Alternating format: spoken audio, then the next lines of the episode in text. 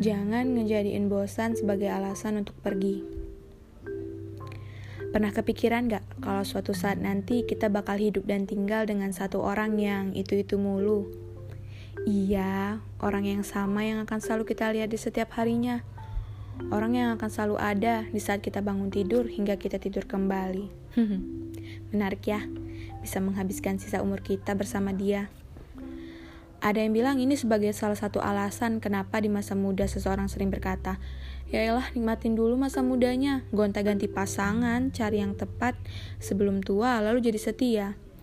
Menurutku ini gak bisa dijadikan alasan. Hmm, bosan. Siapa sih yang gak pernah ngerasain bosan dalam suatu hubungan?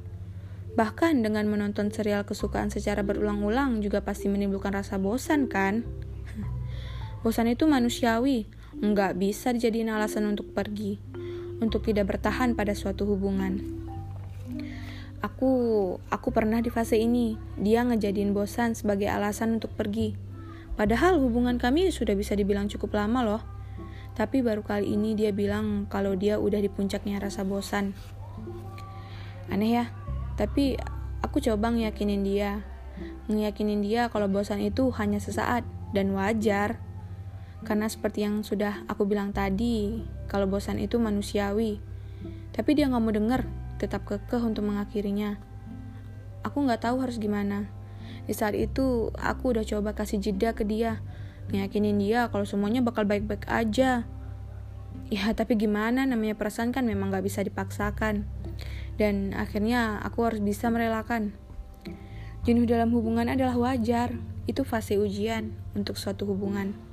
Tapi menurutku kalau jenuh dijadikan sebagai alasan untuk berpisah, itu yang gak wajar. Jenuh atau bosan bisa diperbaiki dengan saling menggenggam, saling koreksi diri. Karena sudah banyak masalah yang sama-sama sudah dilalui dan banyak kecewa yang sudah saling termaafkan. Semoga di setiap jenuh dalam hubungan selalu bisa diingatkan bahwa sudah sejauh ini kita pernah berjuang. Untuk kalian yang sedang atau telah jenuh dan merapuh, lalu memutuskan untuk berhenti tumbuh, di mana pun kalian berteduh saat itu, jangan pernah lupa bahwa kita selalu punya pilihan untuk kembali tumbuh, kapan pun itu.